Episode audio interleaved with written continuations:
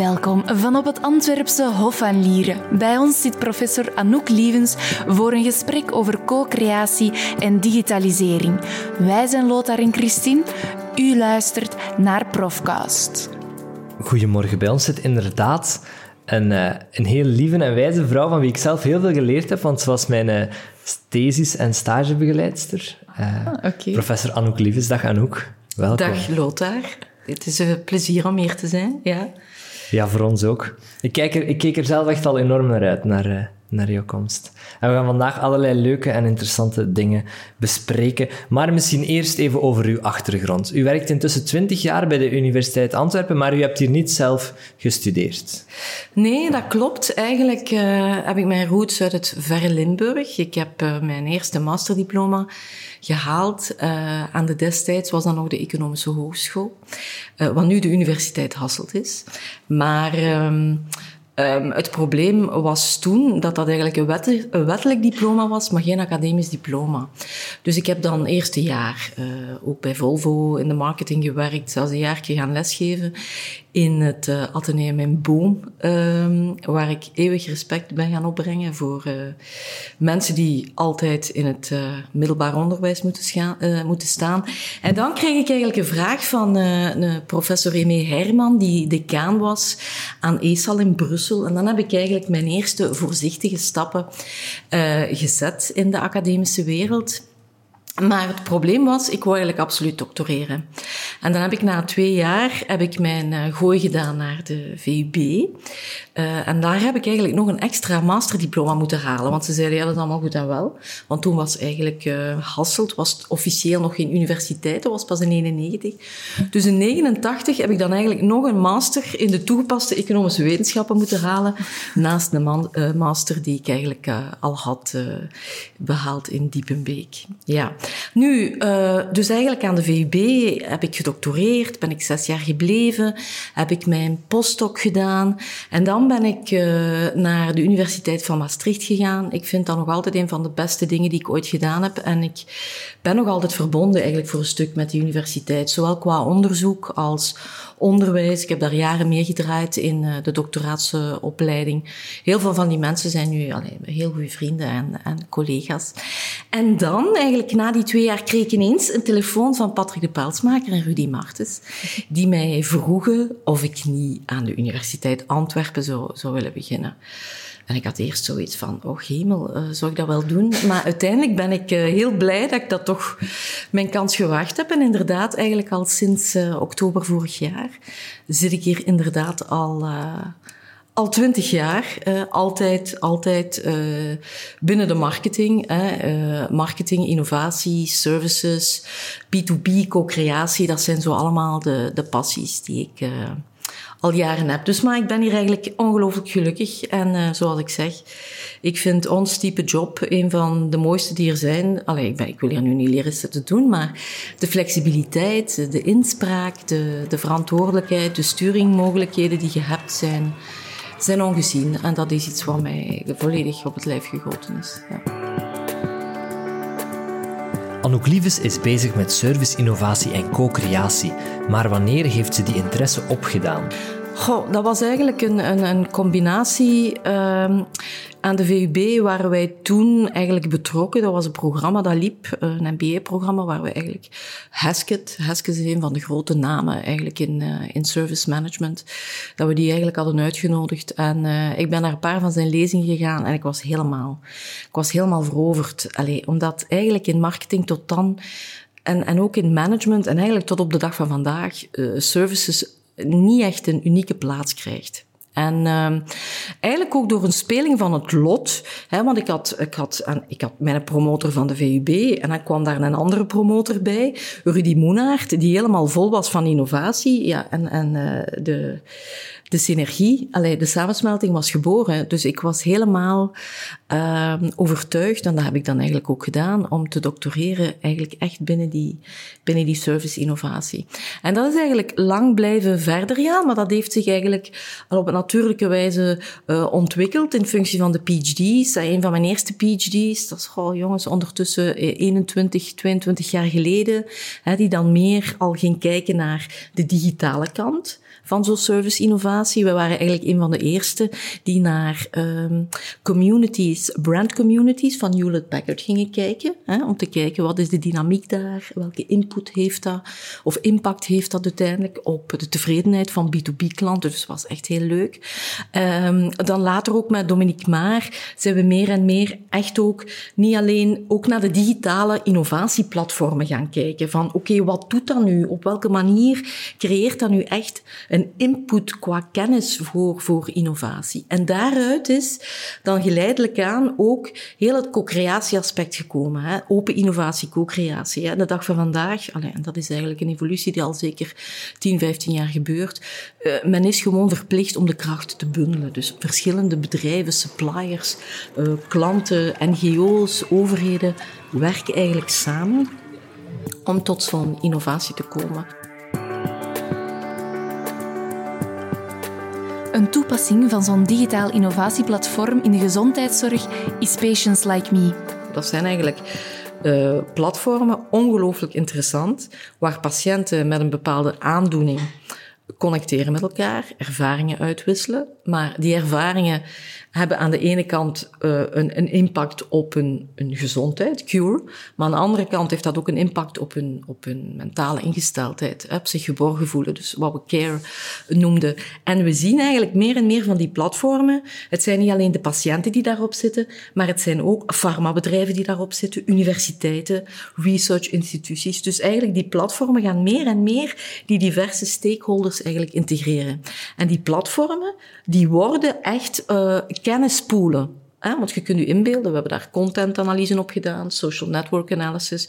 Je kunt daar ongelooflijk veel uithalen door de tekst te gaan analyseren, door content te gaan analyseren, uh, gaat je effectief zien van oké, welk type mensen bijvoorbeeld, hè, de astma community of de diabetes community, uh, welk type informatie hebben zij nodig, welk type connecties in dat netwerk triggert hun om andere mensen te stimuleren, om zich aan de uh, behandeling te houden en zo verder.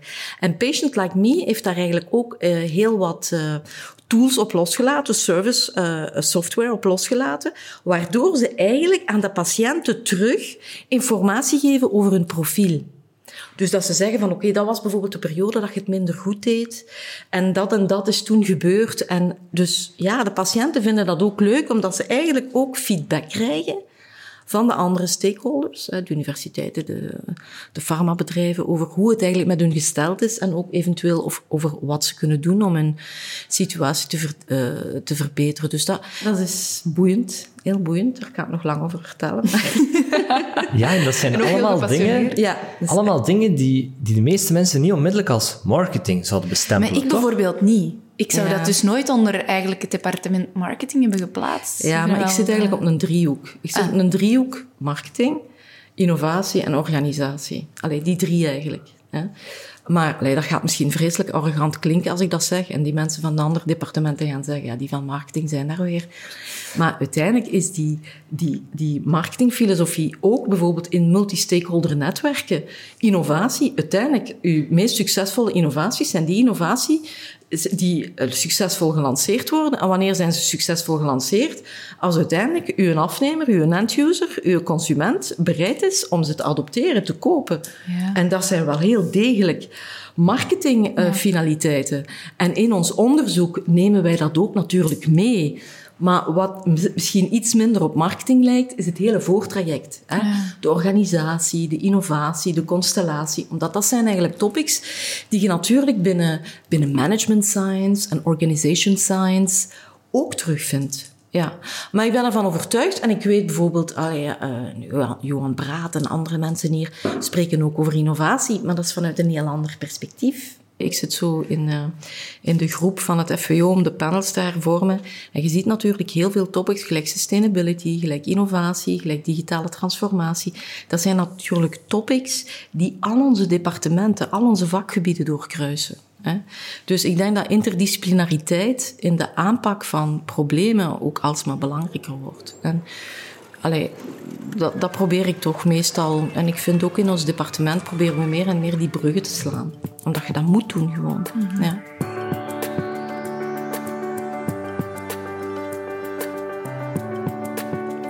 Anouk Liefes doseert het vak e-commerce.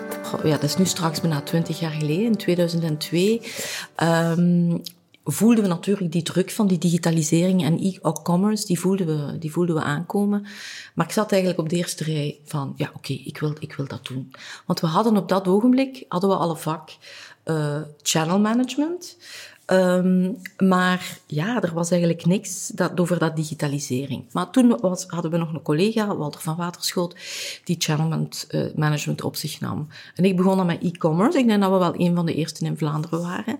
Uh, maar dat was echt, ja, dat ik vond dat wel ongelooflijk. Maar ook als je ziet hoe basic dat dat toen nog was. Want het enige waar het toen eigenlijk over ging, de vorm van digitalisering, had vooral betrekking op, hebben nu bedrijven een goed werkende website of niet? Was nog helemaal geen sprake van, van uh, social, mobile, local. Dat is beginnen exploderen eigenlijk na 2007. Hè, als Apple eigenlijk is Apple verantwoordelijk voor heel de app economy die, die uh, doorgeduwd geweest is en die ons hele manier, uh, via social media, mobile devices, die onze hele manier natuurlijk van e-commerce veranderd heeft. Dus ik heb eigenlijk het geluk dat ik zo'n handboek kan gebruiken van auteurs die dat jaarlijks ook herzien. Maar we blijven eigenlijk altijd de vinger aan de pols houden dankzij de thesestudenten. Dus ik merk vanaf 2016, 2017 kregen we heel veel vragen voor theses van bedrijven vanuit B2B. Zo van, ik wil ook een social media page. ik wil ook een Facebook page. Zo, ze wouden allemaal, uh, ze volgen. Maar het frappante vind ik, zelfs nu, nog na een paar jaar, heel veel studenten met wie ik nu uh, de begeleiding doe, en die dus voor het bedrijf, een soort digitaliseringsproces uh, moeten begeleiden of opzetten. Dus je ziet dat er toch nog heel wat bedrijven zijn die fameuze achterstand hebben. Allee, we weten dat ook. Comeos heeft ons, dat is die organisatie van uh, e-commerce in, in België, wees ons daar ook op. Ik denk nu ook met de coronacrisis heeft het bedrijven meer en meer eigenlijk gepusht de noodzaak ook doen inzien. Allee, we hebben het allemaal al lang in de kranten gelezen. Ik denk dat we op drie, vier maanden vorig jaar hebben doorgemaakt wat we normaal op twee jaar zouden doormaken qua digitale transformatie. Uh, dus de druk voor bedrijven, niet alleen om digitaal aanwezig te zijn, maar om een, een, een merk, een brand, ook digitaal te ondersteunen, is enorm. Omdat we gezien hebben naar aanleiding van, van COVID, zijn natuurlijk consumenten ook traditionele consumenten die graag uh, in real-time gingen shoppen, allee, in, in, uh, in de winkelstraten, hebben hun gedrag helemaal moeten om, omschakelen. Dus dat is een trend die we wellicht niet gaan ombuigen. Dat wil niet zeggen dat het gewoon shoppen niet, niet zich gaat herstellen, maar men verwacht dat is gewoon, heel die, die digitale transformatie is eigenlijk een trend die niet meer kan teruggenomen worden. En de druk die eigenlijk bestaat op de bedrijven natuurlijk, om vooral mee te zijn ook in die data. Hè? Die data te gaan inzamelen. Um, denk aan, aan machine learning, die data mining, een aantal uh, basic principes die ze eigenlijk nodig hebben om het consumentengedrag eigenlijk te kunnen volgen. Hè? Want het grote conflict dat nu al jaren aan de gang is, is heel de discussie dat die big tech companies, Apple, Amazon, uh, Microsoft, uh, Google en ik ben nog één vergeten, uh, Facebook, hè, die gaan met de data lopen. Hè. Dat zijn de marktleiders op het vlak van data sales. Als je ziet hoe dat moderne deals worden gesloten, hè, ik, ik, ik, uh, ik denk dat ik het al, al eens vermeld had uh, in het weekend, als ik het interview las van Yuval Harari, onze historische filosoof, filosoof uit Israël, die dan zei van, ja, Israël is heel succesvol in haar vaccinatiecampagne, maar zij heeft dus een huge data deal afgesproken met Pfizer om heel snel een groot aantal vaccins te krijgen, maar in ruil voor waardevolle data van de Isra uh, Israëlische bevolking. Dus ik, het klinkt bijna een beetje onethisch, hè, als je het hoort, maar daar gaan we nu uiteindelijk ook, uh, ook naartoe. Hè. Uh, gelijk in de krant stond gisteren dat ja, uh, Facebook is natuurlijk niet happy, want Apple is van plan om naar een nieuwe iOS-update, software, ook expliciet eigenlijk altijd uh, de gebruiker te vragen um, en allee, duidelijk te maken wat er met de data gaat gebeuren. Dus, allee. maar ik ben een beetje aan het afwijken, maar ik wil alleen maar zeggen, de druk natuurlijk in heel het digitaliseringsproces is, is groter dan ooit.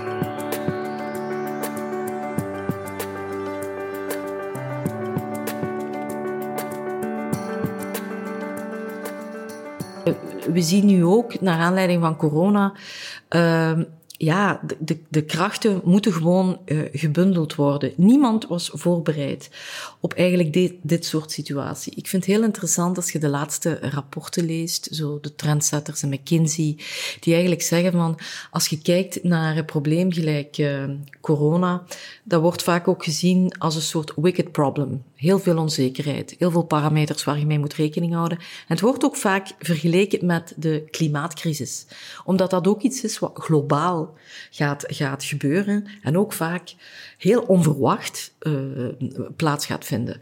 Uh, kunnen we deze crisis vergelijken met 2008, financiële crisis? Nee, helemaal niet. Ik denk eerder terug een beetje naar het begin van de jaren 70, de oliecrisissen, waar alle economieën wereldwijd op een grondvesten aan tafelen waren, waar niemand voorbereid was, waar bedrijven, multinationals, from scratch moest beginnen, moesten beginnen met scenarioplanning. Wel, eigenlijk moeten ze dat nu opnieuw doen. Niemand, geen enkel bedrijf was effectief voorbereid op wat er hier zou komen.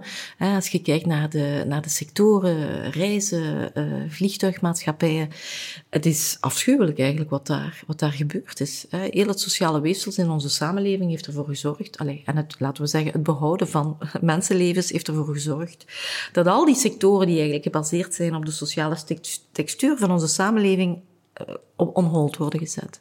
Dus dat is, uh, men zegt soms ook, allez, een paar maanden geleden zo in de kranten van, ja, en als corona gaat gedaan zijn, dan komen we in de roaring twenties terecht en dan gaan we allemaal uit de bol. Maar oké, er zijn heel positieve en meer pessimistische voorspellingen. Vanuit marketinghoek gaan ze ervan uit, ja, consumenten gaan aan revenge shopping doen. Ze gaan hun schade gaan inhalen. Um, ook gaan ze ervan uit eh, dat er veel meer initiatieven gaan genomen worden op het vlak van innovatie. Maar aan de andere kant gaan er ook lessen getrokken worden voor bedrijven op het vlak van ja, zakenreizen, ook resources, sustainability. Men gaat, men gaat zich heel wat vragen terug beginnen stellen van wat, ja, hoe moeten wij nu eigenlijk leven? Uh, ja, ook heel de problematiek van de kwetsbare groepen in de samenleving. Je kunt nu misschien zeggen, wat heeft dat met marketing te maken? Maar we houden ons daar natuurlijk, en je u daar ook mee bezig, omdat de centrale boodschap van marketing uiteindelijk waardecreatie is. Hè? Dus je moet, zeker nu in deze periode, je moet met verschillende belanghebbende mensen, die, uh, groepen die sociale belangen nastreven, bedrijven die economische belangen nastreven, andere non-profit organisaties die ook weer nobele doelstellingen nastreven, een overheid die een zekere beleid moet voeren. Je moet eigenlijk die verschillende spelers, die stakeholders nu, moet je meer dan ooit gaan integreren hè, om die, die belangen uh, veilig te stellen. En ik denk dat dat toch een, een eye-opener is. Allee, we zijn er nog niet uit. Uh, die we ja, op het vlak van, van marketing, maar ook gewoon maatschappelijk, economisch moeten maken.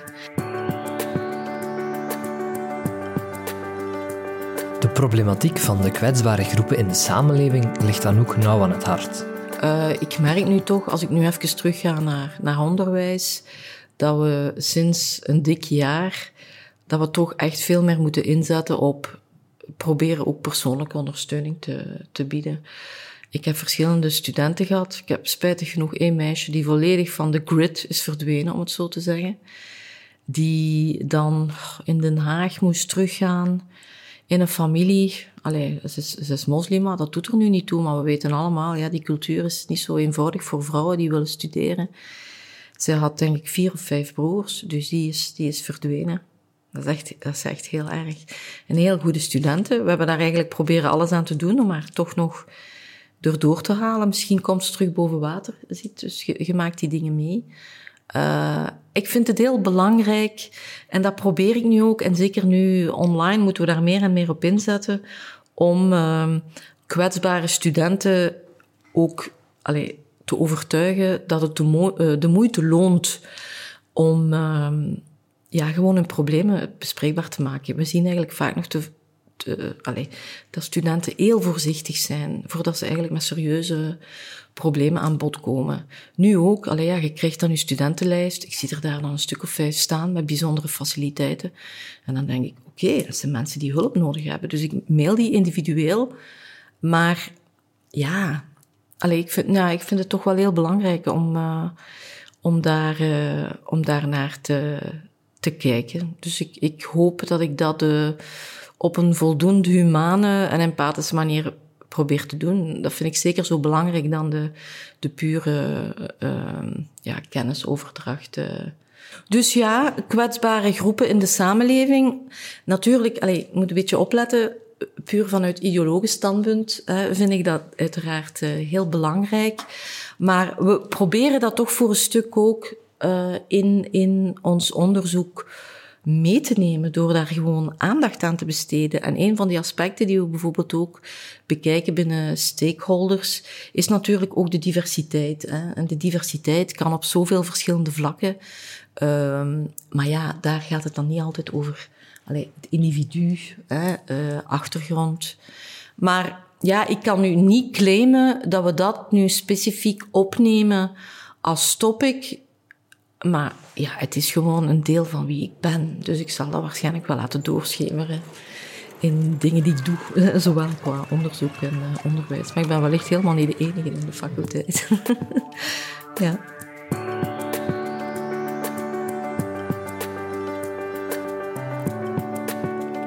We vroegen Anouk of ze nog speciale toekomstplannen heeft. Ik, soms denk ik, ik heb een van mijn, mijn goede vriendinnen die, die zo consultancy doet, nu op freelance basis. Ze is een beetje ouder dan mij, maar ze is dat ook zo ineens beginnen doen.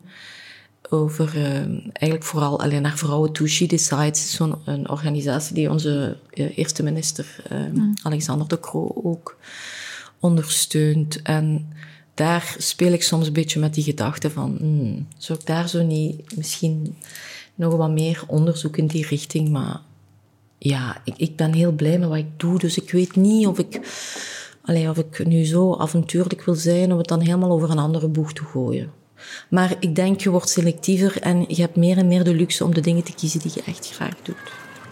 Dat is ja, het voordeel van, denk ik, op deze fase in je carrière te zijn. Ja. She Decides is een beweging die opkomt voor de rechten van vrouwen en meisjes over de hele wereld. Dit zorgde ervoor dat Anouk begon te vertellen over hoe het is om vrouw te zijn in de academische wereld. Het is eigenlijk heel frappant ook om nu te zien hoeveel uh, ja, strijd er nog moet gevoerd worden om bepaalde zaken uh, te verwezenlijken. Als ik zie hoe dat ik begonnen ben, uh, ja, uh, zoveel jaren geleden, hoe lang ben ik nu al? ik moet even denken. Ja, oké, okay, 85, 86. Dat was het toch wel vrij, was toch vrij uitzonderlijk om als vrouw, uh, laat staan in een marketingdepartement, omdat marketing zo typisch iets is dat toch iets, iets femininer is, iets vrouwelijker is. Maar was toch wel een, een, uh, een uitzondering. Wat ik ook heel uh, grappig vond in Nederland. Wij zien Nederland, Nederlandse universiteiten als heel progressief.